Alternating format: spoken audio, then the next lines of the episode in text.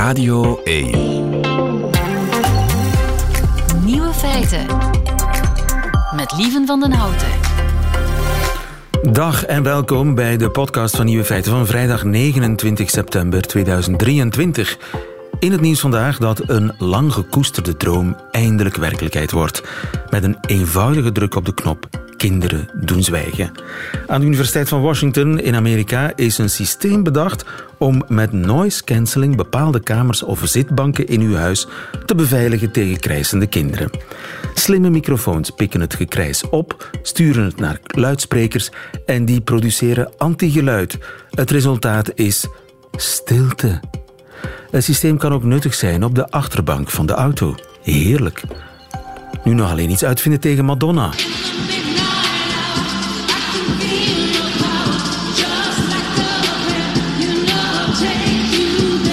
Op 21 oktober in het Sportpaleis in Antwerpen. U bent gewaarschuwd. De andere nieuwe feiten vandaag. Kinderen imiteren hun ouders al op zes maanden. Op sommige spullen zal in de toekomst staan Made in Space. Ook Annelies Bontjes, Nederlands journalist in Brussel, heeft naar God vergeten gekeken. En we spelen de Nieuwe Feiten Vrijdag quiz. Nico Dijkshoorn geeft zich bloot in zijn middagjournaal. Veel plezier. Nieuwe feiten. Radio 1. Van die mensen die constant hun baby zitten te imiteren. Zo van... ba, ba, ba, ba, ba, ba, ba, ba. Doe daar vooral niet meewarig over. Want die mensen werken aan het succes van hun kind. Het latere succes blijkt uit nieuw onderzoek. Pedro de Bruikere, goedemiddag. Een goedemiddag, lieve. Onze huispedagoog, hoofdpan, hoofd van leerpunt, hoofdpunt van leer, ging ik zeggen. Hoofd van Leerpunt, het onafhankelijk kenniscentrum voor het onderwijs. Uh, mijn baby imiteren helpt mijn baby vooruit. Hoe kan dat? Wel, we weten dat uh, kinderen heel veel leren door zelf te imiteren. Maar dan komt de vraag, hoe leren zij imiteren? En we hebben lang gedacht dat dat iets natuurlijk was. Maar wat blijkt nu? Ze leren dit omdat hun ouders eerst de baby gaat imiteren.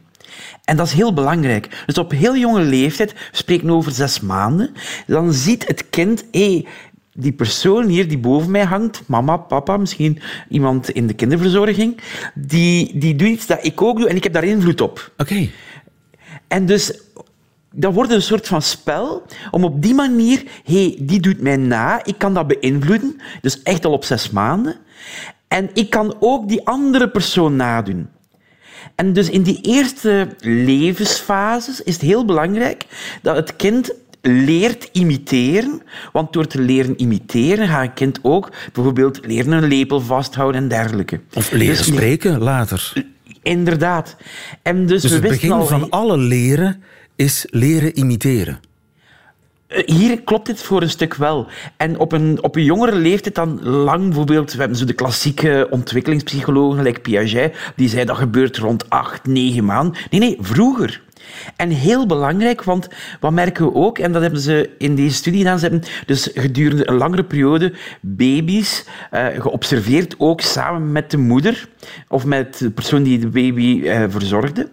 En dan merk je hoe meer dat die twee elkaar imiteren. Hoe meer dat er ook wat we noemen responsief gehandeld wordt, waarbij dat dus ook de ouder, de verzorger, op een, op een begrijpende, goede manier omgaat met wat uh, het kind geïnteresseerd is, waar het kind mee bezig is, hoe beter ook de, de band die ontstaat tussen beiden. Juist. Maar ook hoe sterker dat dat kind is, als ze dan gaan kijken uh, op 18 maanden van hoe sterk is dit kind hier nu in imiteren en in leren van imiteren, dan bleken die kinderen, als dat vaak en goed intensief gebeurde, het veel beter te doen dan kinderen waarbij dat het minder, hoe we, het, ja, we noemen dat responsief, waarbij dat er minder responsief gehandeld werd. Dus op 18 maanden al zie je verschil tussen kinderen die uh, op 9 maanden vaak zijn geïmiteerd geweest en kinderen die dat niet zijn geweest. Ja, wat ik zelf ook heel fascinerend vond in deze studie, is dat dus op zes maanden kinderen zelf al doorhebben van hé, ik kan hier een invloed uitoefenen op die andere mens hier.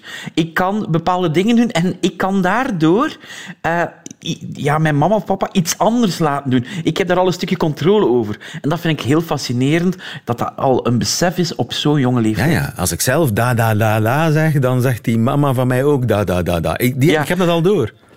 Ja, en, en het grappige is dat de ouders waarschijnlijk gaan denken, ah, op dat moment aan het denken zijn dat de kinderen hen aan het imiteren zijn en dat zij het kind iets aanleren.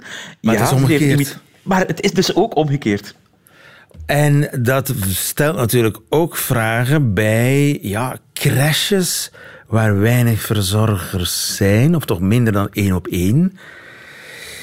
Is dat dan wel zo verstandig om je kind naar de crash te doen op heel jonge leeftijd? Nu, opgelet, ook ouders zijn niet constant met een kind bezig. Het kind moet ook genoeg rusten en er moet genoeg ook tijd zijn om te verwerken. Maar de huidige discussie, en dat ook nu um, in de begroting van uh, de Vlaamse regering opgedoken is, is wel heel duidelijk om, die, uh, om het aantal kinderen eh, per opvoeder te verkleinen.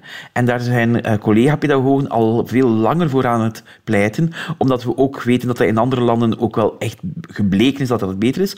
En dit hier is natuurlijk een extra argument. Pedro de Bruikere, dankjewel. Goedemiddag. Goedemiddag. Nieuwe feiten. De ontdekking van België. Dag Annelies Bontjes. Hi, goedemiddag. Annelies Bontjes, journaliste van het Nederlandse dagblad Trouw. In Brussel, correspondent België eigenlijk, hè, voor een Nederlandse krant. Komt elke vrijdag vertellen over haar ontdekkingstocht in België. Het was me het weekje wel, hè? Nou, het was me het weekje wel, ja. Volgens mij kunnen we het maar over één ding hebben, toch? Ja. Ja, die serie, God vergeten. Ja. Uh, heb, jij ze bekeken? Ik heb ze bekeken. Ik heb alle vier de afleveringen bekeken. Serie over uh, misbruik in de katholieke kerk. Als mensen misschien toch gemist hebben. Maar dat lijkt me eigenlijk onmogelijk. Want het ging de hele week volgens mij overal hierover. Op televisie, radio, in kranten. Het is besproken op scholen, op sociale media. Heb je daar voor de krant iets uh, over gemaakt? Ja, ik heb de makers van de serie geïnterviewd voor Trouw. Dus uh, ja, die heb ik gisteren gesproken. Dus ik heb uh, me uitvoerig ook verdiept. Ja, en dus dat stuk moet nog verschijnen? Ja. Oké. Dat stuk moet nog morgen. verschijnen. Uh, volgens mij wordt het morgen gepubliceerd. Okay. Ja, ja, ja, oh, ik ben benieuwd. Nu, hoe kijk je daar als een Nederlandse jonge vrouw uh, naar, naar die serie die over ja, oud, soms zelfs heel oud zeer gaat? Ja, ik ben wel echt in shock. Degoutant, zeggen jullie hier, geloof ik? Degoutant, ja. Degoutant. Nou, ik, ja, voor wat mij. Heeft jou, wat heeft jou het meeste getroffen? Nou, voor mij waren dit wel echt nieuwe dingen. Ik wist natuurlijk heus wel dat er misbruik is geweest in de katholieke kerk. In Nederland hebben we dat ook gehad, in andere landen ook. Maar ik wist niet dat het zo grootschalig was, dat het zo lang door is gegaan, dat het zo institutioneel was. En systemisch eigenlijk. Systemisch, hè? inderdaad. En dat laat die serie heel goed zien. Uh, hoe het verdoezeld werd, hoe tegen ouders van kinderen werd gezegd van ja, ze, ze zitten in een fantasiewereld, hoe alles werd gedaan om dit in stand te houden. En ook vooral um, voor mij is dit nieuw. Ik, toen het vorige uh, onderzoek startte in 2010, toen was ik, uh, dat is 13 jaar geleden, was ik 17. Dus ja, dat kreeg ik toen niet echt mee.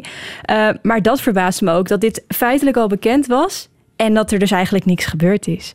Hoezo moeten we nu weer zo'n documentaire serie maken? Hoezo moeten mensen nu opnieuw verontwaardigd zijn? Denk namelijk dat dit voor jou een tweede verontwaardigingsgolf was die je meemaakt hierover. Inderdaad, eh, echt veel nieuwe feiten. Om dat woord maar eens te Ja. gebruiken, zaten er niet in. Nee. Hoewel natuurlijk ook die eh, door de eh, advocaten van de slachtoffers beweerde clandestine zittingen. Ja. Dat is iets wat eigenlijk bij ons nog niet zo bekend was. Wat ook voor hen nog niet zo lang bekend was. Dat er dus met name zittingen zijn gebeurd. waarop beslist is om grote delen van het bewijsmateriaal terug te geven aan de kerk. Eh, althans, volgens die eh, advocaten. Ja. Ehm, en dat moet nu, dat is een van de belangrijkste vragen nu voor die eh, bijzondere opsporing, of die, die eh, Kamercommissie. Ja, en ik denk ook dat het belang ervan is, volgens mij ook, dat in die serie nu voor het eerst al die verhalen ook zijn samengevoegd. En dat die mensen letterlijk een gezicht hebben gekregen. Je Dat vooral, gewoon- hè? Je ziet mannen, vrouwen, eh, hele normale mensen waarvan je denkt dat dat ook mijn vader kunnen zijn. Of, of mijn broer of mijn oom. En die kijken recht in de camera en die vertellen over dat gruwelijke misbruik tot in detail. Hoe het ze als kind is overkomen, hoe het ze hun hele leven heeft beïnvloed.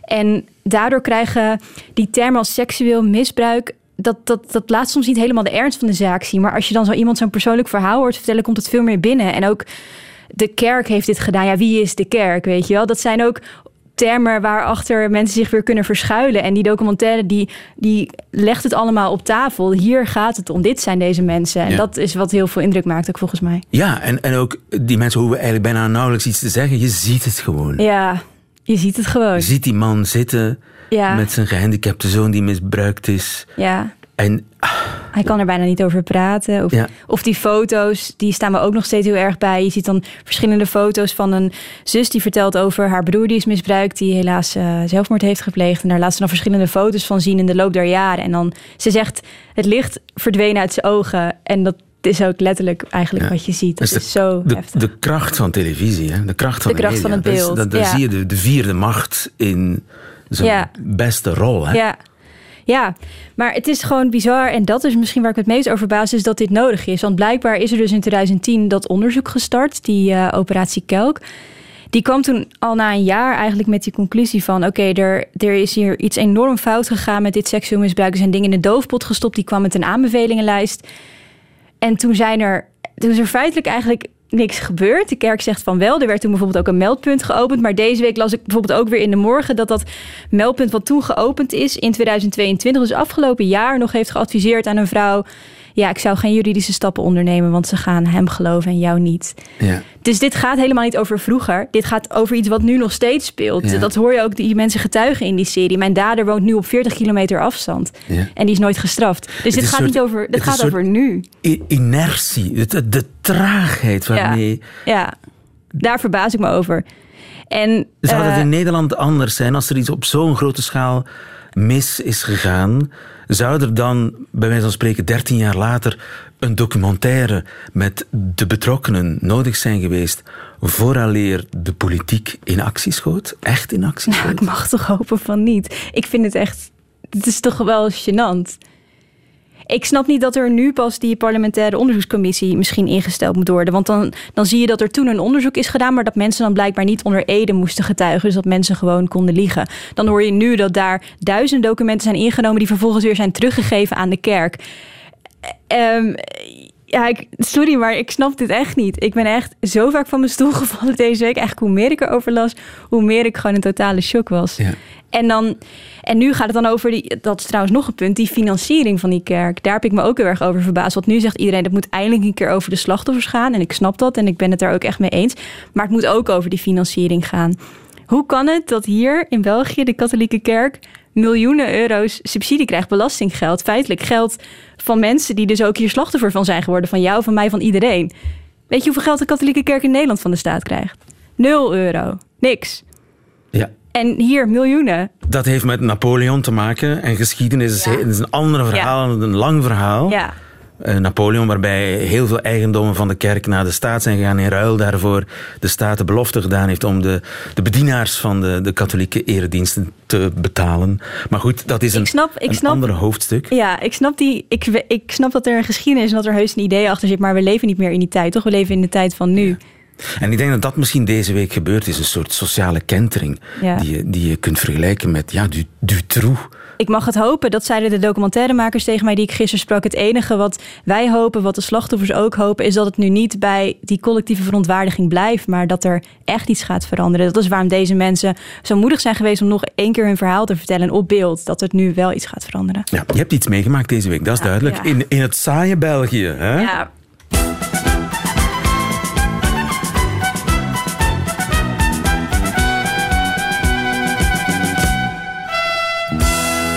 Examen Vlaams. Ja, om toch min of meer op een vrolijke noot te eindigen en jou het weekend in te sturen met een, eh, een diplomaatje Vlaams. Of althans een goed rapport deze week. En dat zou mooi dat, zijn. zou- dat zou toch prachtig Ja. zijn? Wat betekent Van den Aldi? Staande uitdrukking in het... eh, nou iets wat je bij de Aldi dan hebt gekocht, toch? nee. Oh. Het- ja, ja, uiteraard. Maar als ik zeg... Ja, eh, Ja? dat is de Marco Borsato van den Aldi. Ik zou niet weten van wie dat moet zeggen, maar... Dat is er uit die familie of zo? De goedkope namaakversie betekent dat. Oh, Het is van den Aldi. knappe aftreksel. Ja, juist. Oké. Aldi. Ja, ja, Aldi verzet zich daar natuurlijk tegen. Ja, ik wou net zeggen, die zijn hier niet zo blij mee, denk ik. Nee, en misschien wel terecht, maar dat is nu eenmaal een uitdrukking. Kan Oh, er ook ik niks ben ook doen. heel erg fan van die supermarkten. Oké, dat compenseert dan weer. Van Eigens.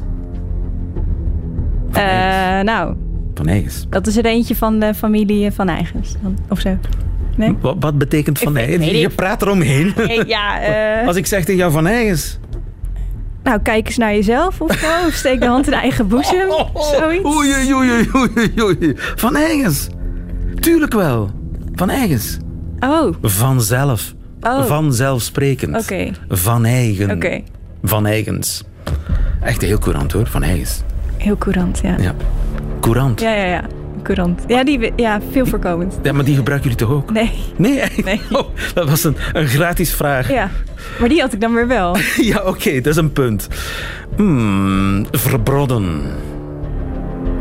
Verbrodden. Eh, ver, ver- Gaat niet goed aan. eh, Gaat niet eh, goed. nee. Ehm, ver- vernietigen. Oké. Ja? Ja, Oh, nu wil je meteen stoppen natuurlijk. maar je bent geslaagd in Dankjewel. verknallen eigenlijk. Je hebt het verbrod, verknald. Ik heb het niet verbrod. Maar je hebt het niet verbrod. Nee. Tuurlijk niet. Dankjewel, Annelies Bontjes. En tot volgende week.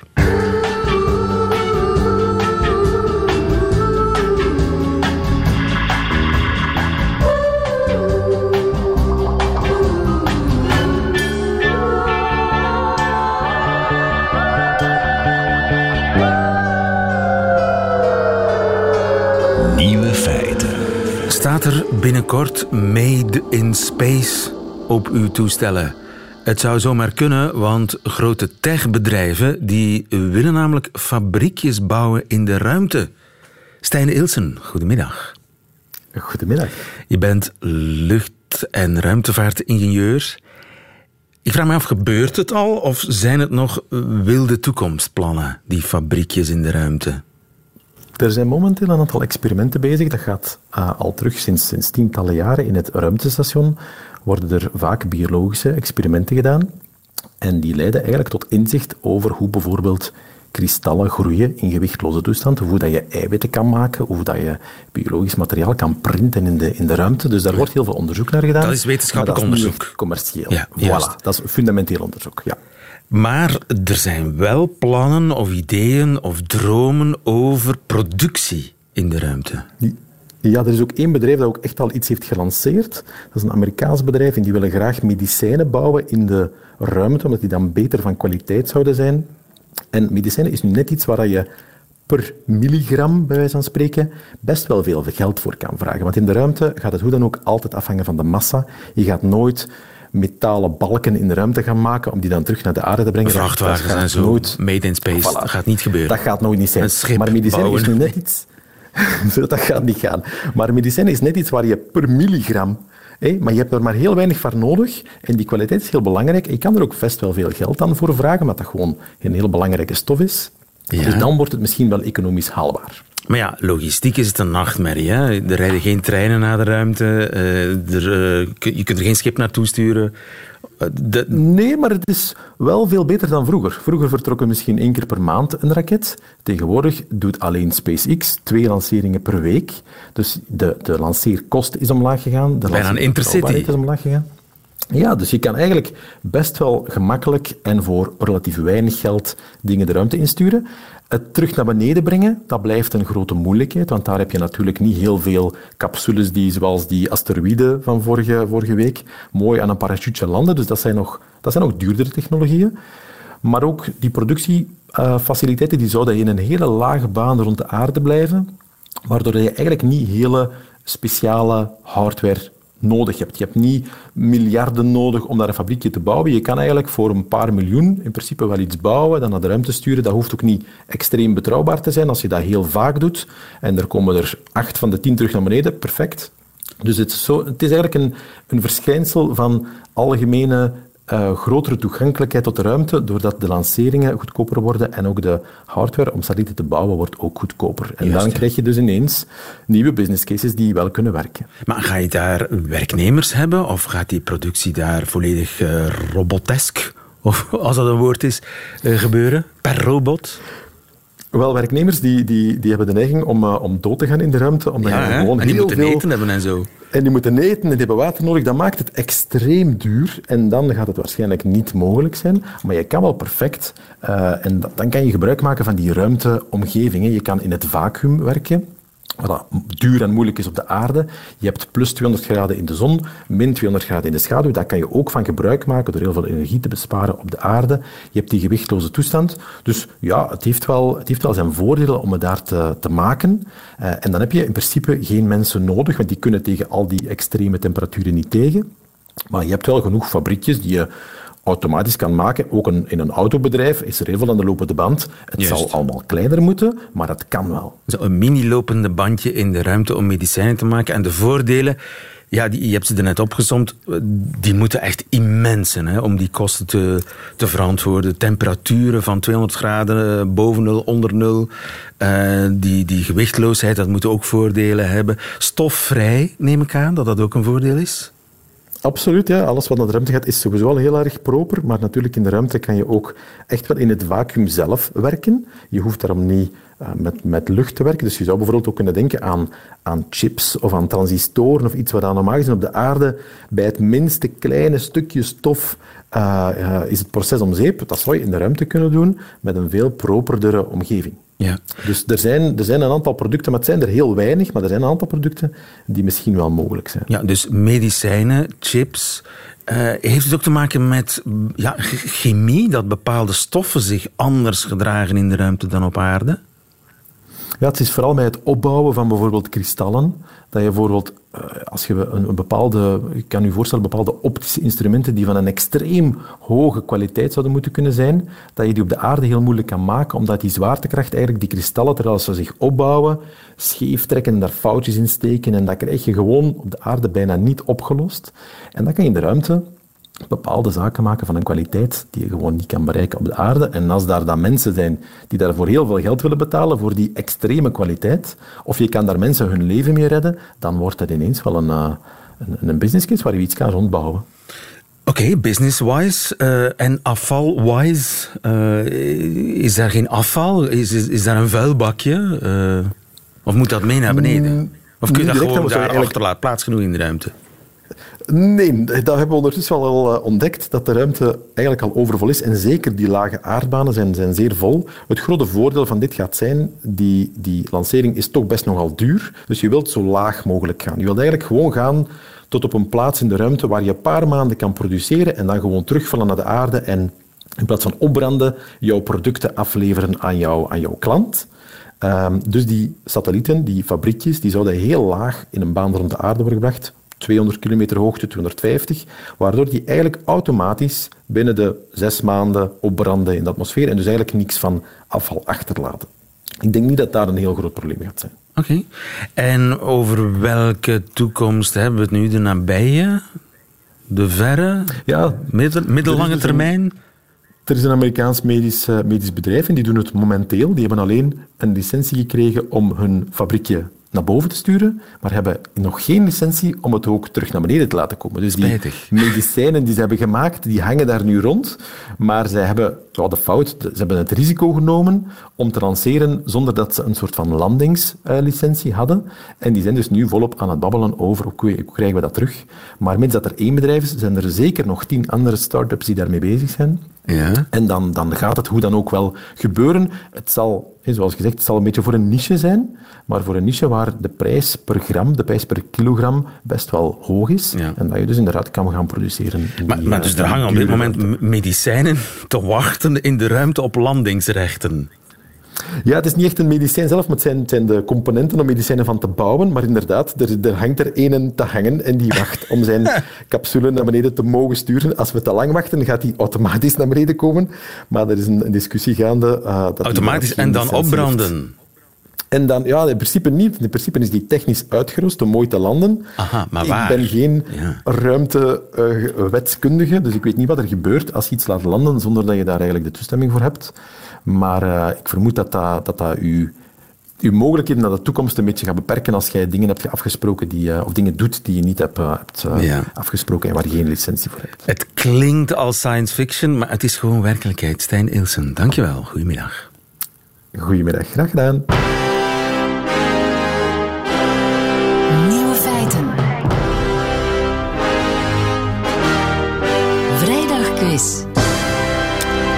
Gilles Wijkmans, goedemiddag. Goedemiddag. Gilles Wijkmans, jij hebt weer een medogeloze vrijdagquiz samengesteld. Je zal ook de jury zijn van deze vrijdagquiz. En we spelen met Elke. Goedemiddag, Elke. Goedemiddag. Elke Konings uit Keerbergen. Uh, wat was je aan het doen?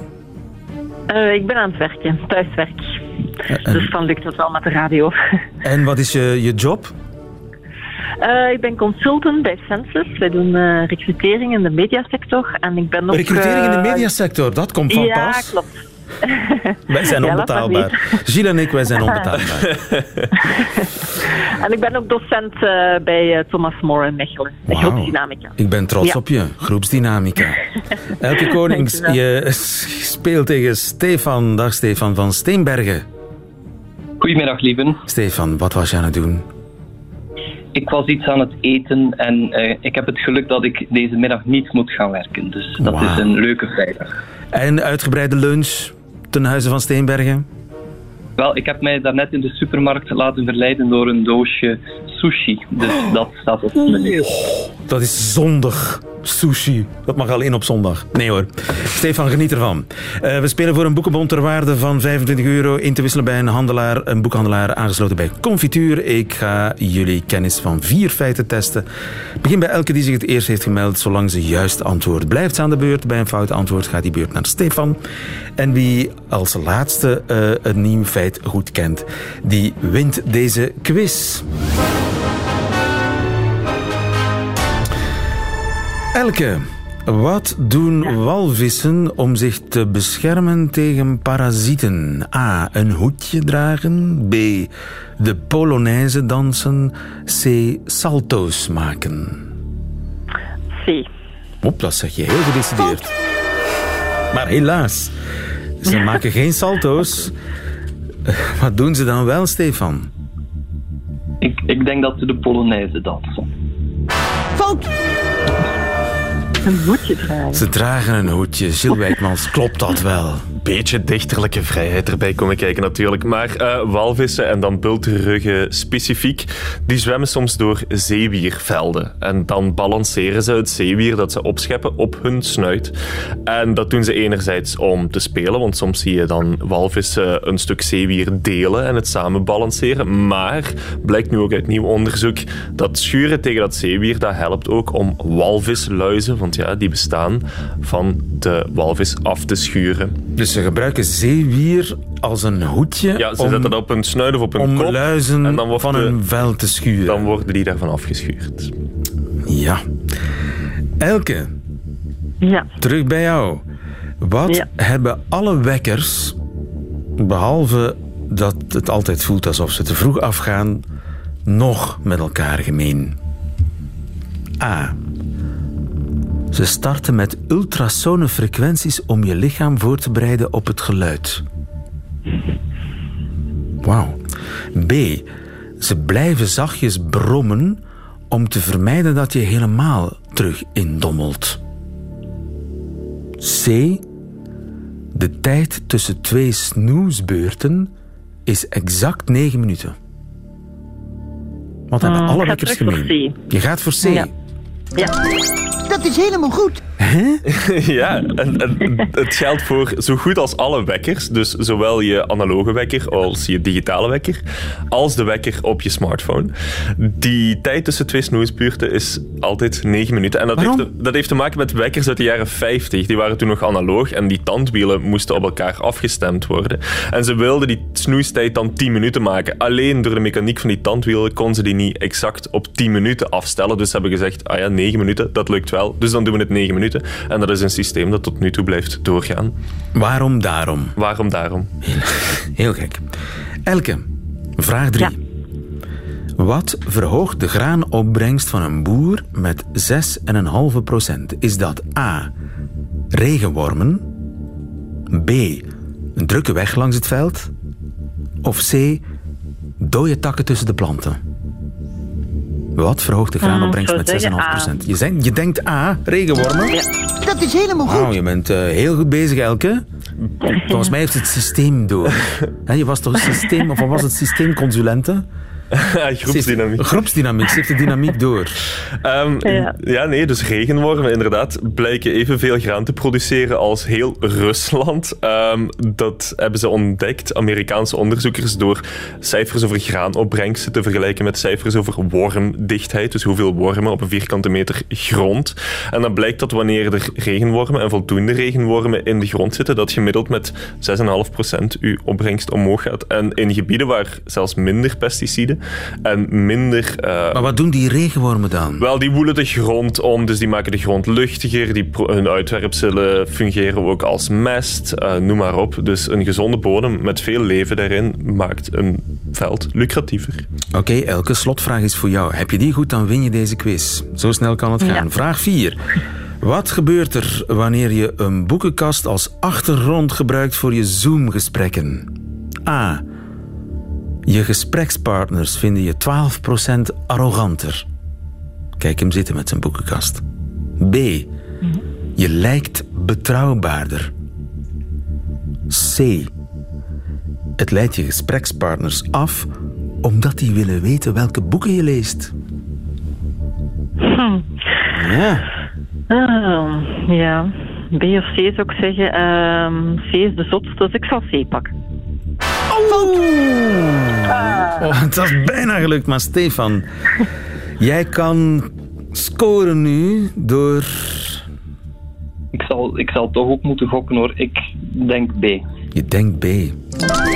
Dat is helemaal goed. Het is gebeurd.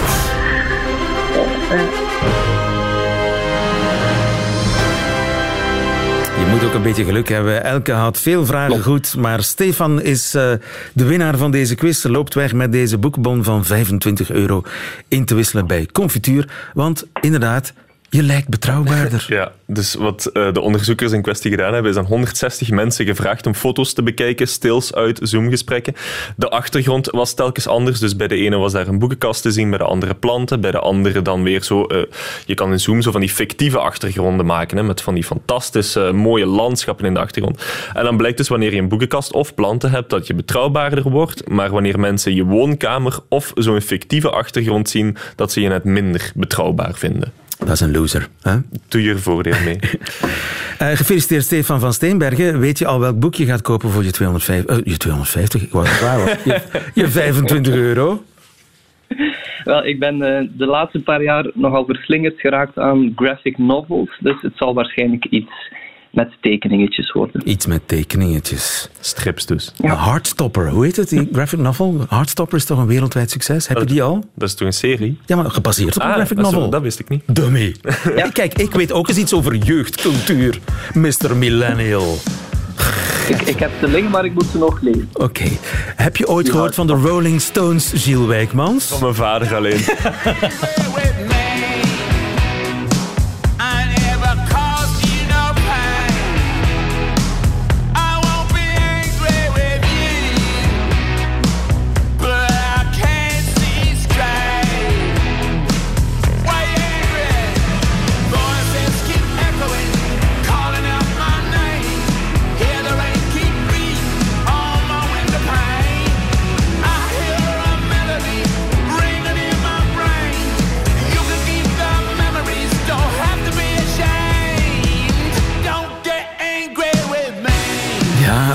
opa, wat doe je nu?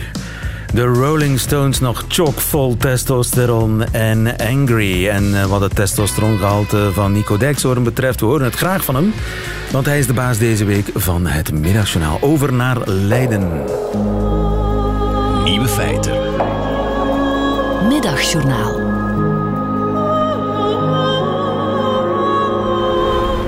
Beste luisteraars. Een vrouw van 23 jaar oud heeft mijn hart gestolen. En ze heet Jessica Koen. En ze is kunststudent en enkele dagen geleden plaatste ze s'nachts in het geheim een hele grote ijshoorn van bijna anderhalve meter hoog op een zelfgemaakte sokkel tussen allerlei oude gevestigde mannenkunst in Amsterdam-Zuid. Het was een protest tegen steeds maar weer dezelfde exposities met altijd dezelfde beelden van dezelfde bekende kunstenaars. En ik kan haar wel kussen. Niet alleen om haar statement, maar ook om wat het aan verbazing opleverde. Er moeten ochtends mensen voor dat ijsje van anderhalve meter hoog hebben gestaan. En die hebben waarschijnlijk tegen elkaar gezegd: Mooi hè? Kijk dan hoe dat horentje van Koek verwijst naar de broosheid van het menselijk bestaan. Ik sluit ook niet uit dat er iemand naar de enorme bolletjes ijs heeft gekeken en daarna heeft gezegd: Een luidruchtige schreeuw van de kunstenaar richting de opwarming van de aarde. Luisteraars, ik ben een groot liefhebber van in het geheim neergezette objecten op vreemde plekken. Het rukt de haastige, verveelde mens uit zijn dagelijkse sleur. Mijn dapperste daad, dat is het plakken van strookjes op hokken in dierentuin Artes in Amsterdam. En op die strookjes stonden de namen van niet bestaande dieren. Ik herinner mij een hok met een neushoorn waarop ik de volgende tekst had geplakt. Schuldloos gescheiden neushoorn. Luisteraars, laten we er een beweging van maken. Laten we de boel eens lekker wakker schudden. Ik kom met een paar ideetjes. Plak op willekeurige stoelen in het openbaar vervoer de volgende sticker. Leo's leesplek. Eens kijken wat er gebeurt. Ook heel fijn is een bordje maken met erop het woord duwen. En dat dan op een deur waar je aan moet trekken. Laten we met alle luisteraars van nieuwe feiten een beweging beginnen. Over een week worden inwoners van Gent wakker. Ze lopen over de vrijdagmarkt. En daar hebben wij, in het hols van de nacht, een scheelkijkend konijn van aardappelpuree geboetseerd. De titel van dat kunstwerk: Zonsondergang in broek van een priester. En dan zijn we dus ook nog eens een keer actueel. Luisteraars, laten we het gewoon doen. Een kleine sticker op de voorruit van een geparkeerde auto plakken en daarop de tekst. Ze hebben het wel steeds over dieren, maar mensen hebben ook gevoel.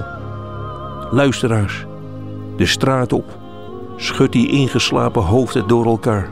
Succes. Tot over een maand.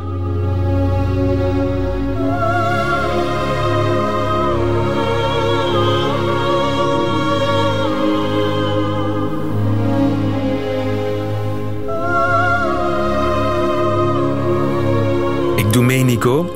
Ik blijf oefenen op dat uh, beeldhouwwerk van uh, aardappelpuree, want dat uh, lijkt mij niet zo simpel. Maar goed, ik doe mee. Nico Dijkshoorn in het Middagjournaal. Einde van deze podcast hoort u liever de volledige nieuwe feiten. Dat wil zeggen met de muziek. Dat kan natuurlijk elke werkdag tussen 12 en 1 op Radio 1 live of on demand via de Radio 1 website of app. Tot een volgende keer.